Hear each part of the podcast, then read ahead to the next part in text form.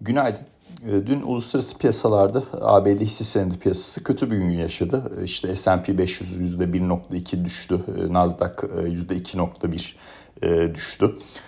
Şimdi bu e, satışlarla ilgili olarak e, benim anladığım kadarıyla bu arada dün haftanın son işlem günüydü. Hani bugün Paskalya nedeniyle ABD ve birçok Avrupa borsası kapalı olacak zaten dünkü satışların e, benim gözümde iki tane nedeni vardı. Birincisi tahvil getirilerindeki yükseliş. Yani tahvil e, piyasasında e, işte ABD 10 yıllıkları 13 bas puan, 2 yıllıkları 10 bas puan kadar yükseldi.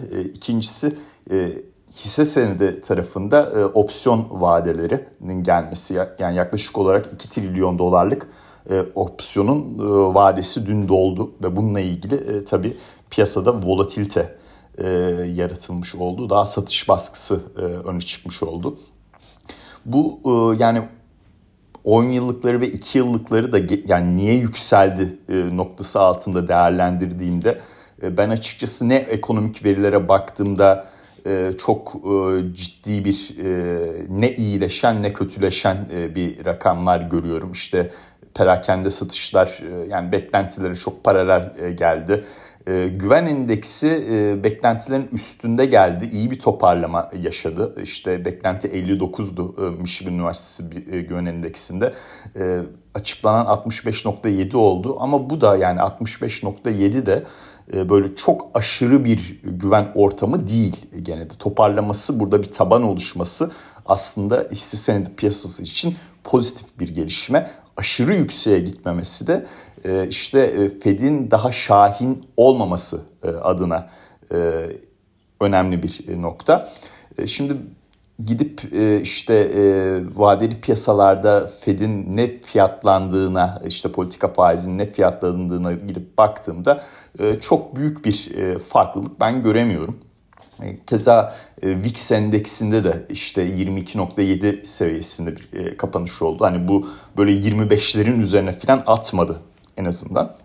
Dolayısıyla dünkü satışları bir miktar daha böyle e, kısa bir hafta olması, e, yüksek miktarda e, opsiyonların e, vade gününün gelmiş olması ve e, getirilerde neden olduğunu tam anlamadığım bir şekilde e, sert bir yükseliş e, olmasıyla değerlendirmek lazım. Ben açıkçası hem hisse senedi tarafında hem de tahvil piyasası tarafında dünkü fiyatlamayı çok böyle bir sinyal etkisi olarak almıyorum. Pazartesi günkü fiyatlamaları görmek istiyorum. Çünkü dediğim gibi yani bu opsiyon vadelerinin gelmiş olması ve kısa bir hafta olması çok sağlıklı bir fiyatlamaya bence neden olmuyor. Yani örnek veriyorum işte S&P 500 %1.2 düşerken VIX 25'in üzerine atsaydı daha böyle bir e, beni tedirgin eden e, risk algısındaki bozulmayı daha kalıcı hale getirebilen bir yapı olurdu. Ama böyle bir durum söz konusu değil bu noktada. E, şimdi bu e, dünkü haber akışlarına baktığımızda Avrupa Merkez Bankası'nın toplantısı vardı.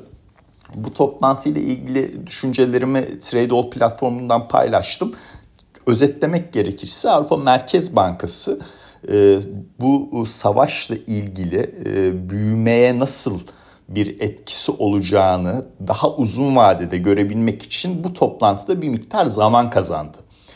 E, bu zaman kazanışıyla beraber işte Haziran ayında asıl hem ekonomik projeksiyonlarındaki güncellemeler e, hem de e, daha sıkı olabilecek bir para politikasına geçiş e, noktasında açıklamaları takip edilecek. Ama bu işte karar sonrası biliyorsunuz genelde böyle piyasaya sinyal etkisi vermek amacıyla karar sonrası basın toplantısı da bitse böyle üyeler farklı sinyaller verirler. Bloomberg'den geçen haber artık 3. çeyrekte e, bir 25 bas puanlık e, artış faiz artışı yapabileceğine yönelik. Şimdi tabii bu e, yani hem kararla hem basın toplantısıyla çok uyuşmuyor. E, dolayısıyla e, önümüzdeki zamanda önümüzdeki zamanda belki Haziran ayı toplantısına kadar Euro hala baskı altında kalabilir ama o toplantıyla beraber tekrardan bir yukarı hareketlilik söz konusu olacaktır diye düşünüyorum. Şu anda Euro dolarda 1.0806 e, fiyatlamasındayız. Ya 1.08'deyiz e, özünde. E, bunun işte gelecek hafta 1.08 33 35 ya 1.08 35'in üzerine atması ve dolar endeksinin tekrardan 100'ün altına gelmesi önemli bir gelişme olacaktır. Bunun takip edilmesi lazım. Dolayısıyla yani piyasada konuşulan işte euro dolar 1.06'ya gidebilir, 1.05'e gidebilir. Bunlar tabii ki yani teknik olarak e, zorlanabilir e, piyasa zorlayabilir aşağı yönlü hareketle ilgili olarak belki gidebilir e, günün sonunda hiçbirimiz medyum değil sonuçta ama e, ben e, Avrupa Merkez Bankası'nın kararını e, basın toplantısını dinlediğimde e, bir de üzerine bu Bloomberg'den geçen habere baktığımda e, aslında e, çok ciddi bir artık aşağı yönlü potansiyelin kalmadığını görüyorum. Bu önemli bir e, detay bence. O yüzden aklımızın bir köşesinde kalması lazım. Şimdi başka bir haber akışlarına geçecek olursak yani Rusya'dan açıklama var. İşte Finlandiya ve ya da İsveç'in e, işte NATO'ya girmesi durumunda Baltık Denizi'ne nükleer e, silah e, işte Baltık Denizi çevresine nükleer silah koyabileceğine dair yorum yapmayacağım. Birebir açıklama bu. İkinci nokta daha önemli ama yani Avrupa tarafında işte Rusya'dan alınan petrole karşı draft bir ambargo çalışması var. E, zaten bu haberle beraber e, petrol fiyatlarında işte yüzde üçlük e, neredeyse yükselişler yaşandı. Ya bu ne kadar gerçekçi olabilir? Benim tartışacağım bir konu. Yani burada da muhtemelen aynı kömürde olduğu gibi kademeli bir durum yaşanacaktır diye düşünüyorum. Ama bunu da izleyip göreceğiz. İşte New York Times'tan geçen haberdi bu izleyip göreceğiz. Ee, kademeli bir e, yaptırım yaparlarsa e, açıkçası çok ciddi bir yukarı potansiyel gene petrolde olmaz. Ama bu haberle beraber e, piyasa tabii ki petrolü satın aldı otomatikman yeni bir ambargo gelebilir noktasında. Diğer bir nokta Rusya'nın önemli bir savaş gemisi Karadeniz'de battı. Ee, Ukrayna tarafı biz batırdık diyor. Ee, Rusya tabii kabul etmiyor. Ee, bunun önemi şu e, yani Rusya'nın nasıl karşılık vereceği önemli. Yani bu demek oluyor ki hafta sonu e, belki daha e, maalesef e, daha kanlı haberler e, savaş e, cephesinden e, alabiliriz o taraftan. E, böyle bir durum e, söz konusu. Banka bilançoları tarafına geçersek ABD tarafında aslında iyi bilançolar geldi. E, kötü diyemem. E, yani işte Goldman Sachs'ın e, işlem gelirleri son 5 senenin en yükseğinde. E, Morgan Stanley keza hisse senedi trading'den çok iyi gelir yazmış. E, ya da işte Citibank e, Rusya operasyonlarında korktuğu, korkulduğu kadar büyük bir zarar yazmayabilir. İşte piyasa 9 küsür milyar dolar bekliyordu. Dün Citi 7 8 e, milyar dolarlık bir e, zarar olabileceğinden bahsediyor e, vesaire vesaire. Yani bilanço tarafı özellikle finansalların işte bu hafta çok konuştuk biliyorsunuz açıklamalarında ya beklediğimiz gibi işlem gelirleri trading gelirleri en azından kötü bir çok kötü bir senaryo olmasını engelledi. Keza birçoğunun da e, ABD tüketicisiyle ilgili olarak e, olumlu e, görüşü söz konusu.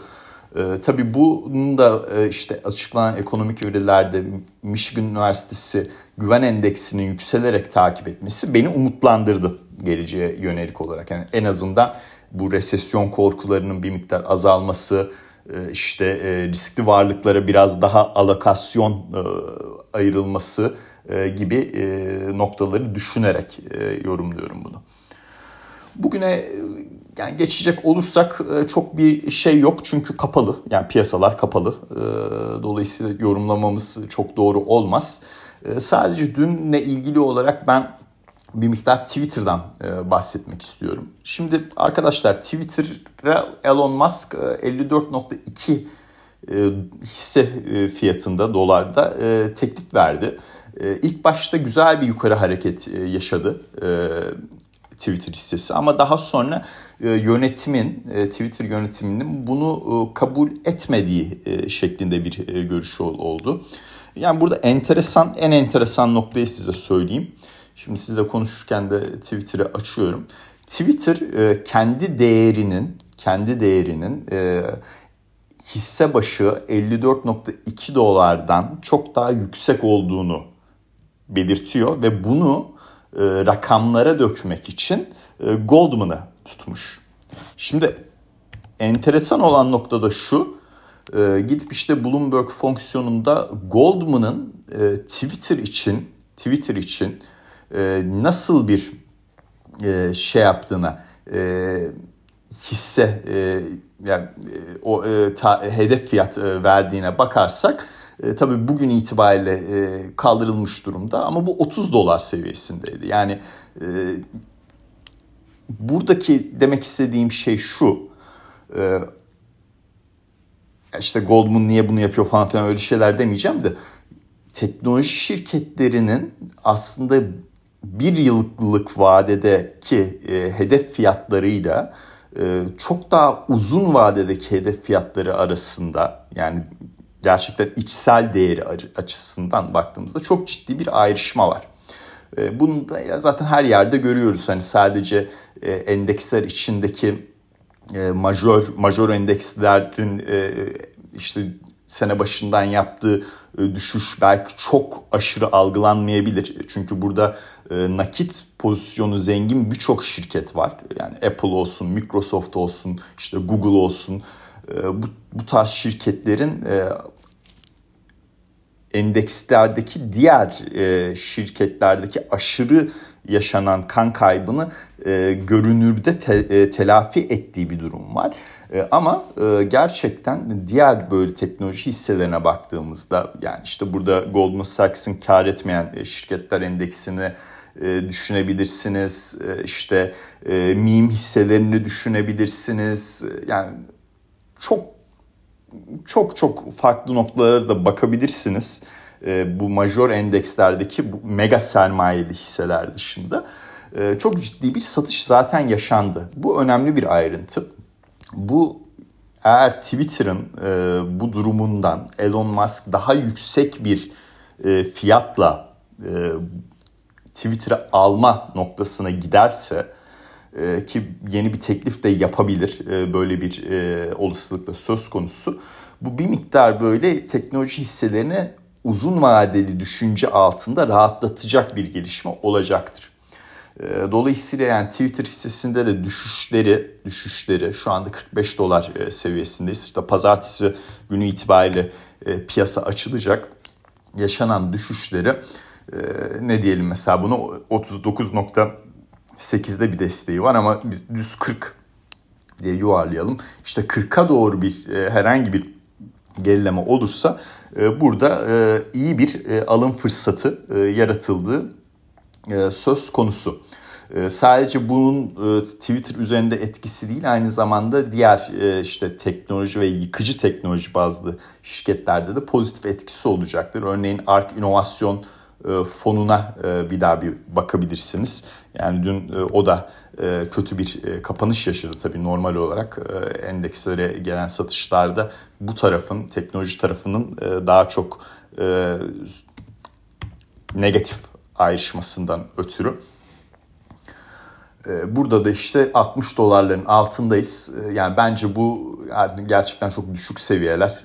Burada da işte 55 e, dolar seviyelerine doğru tekrardan bir e, gerileme olursa gene alım fırsatı olarak değerlendirebilirsiniz. E, günün sonunda yani savaş sonrası en düşük e, işte 52 e, dolarları 51.85'i görmüştü. Şu anda 59 dolardayız. Gerilemeler olur olursa eğer bunu uzun vadeli düşünce altında değerlendirebilirsiniz. Çünkü dünkü Twitter hareketliliğinden de ortaya çıkan bu daha kısa vadeli diyebileceğimiz o hedef fiyatların şirketlerin uzun vadeli içsel değerlerinden çok daha negatif bir şekilde ayrıştı.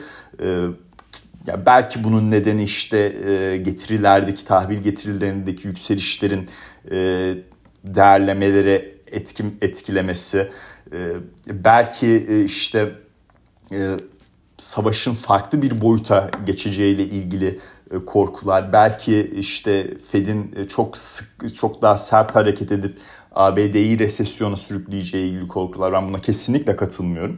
E, ama e, piyasa tarafından e, bu tarz risk faktörleri söz konusu.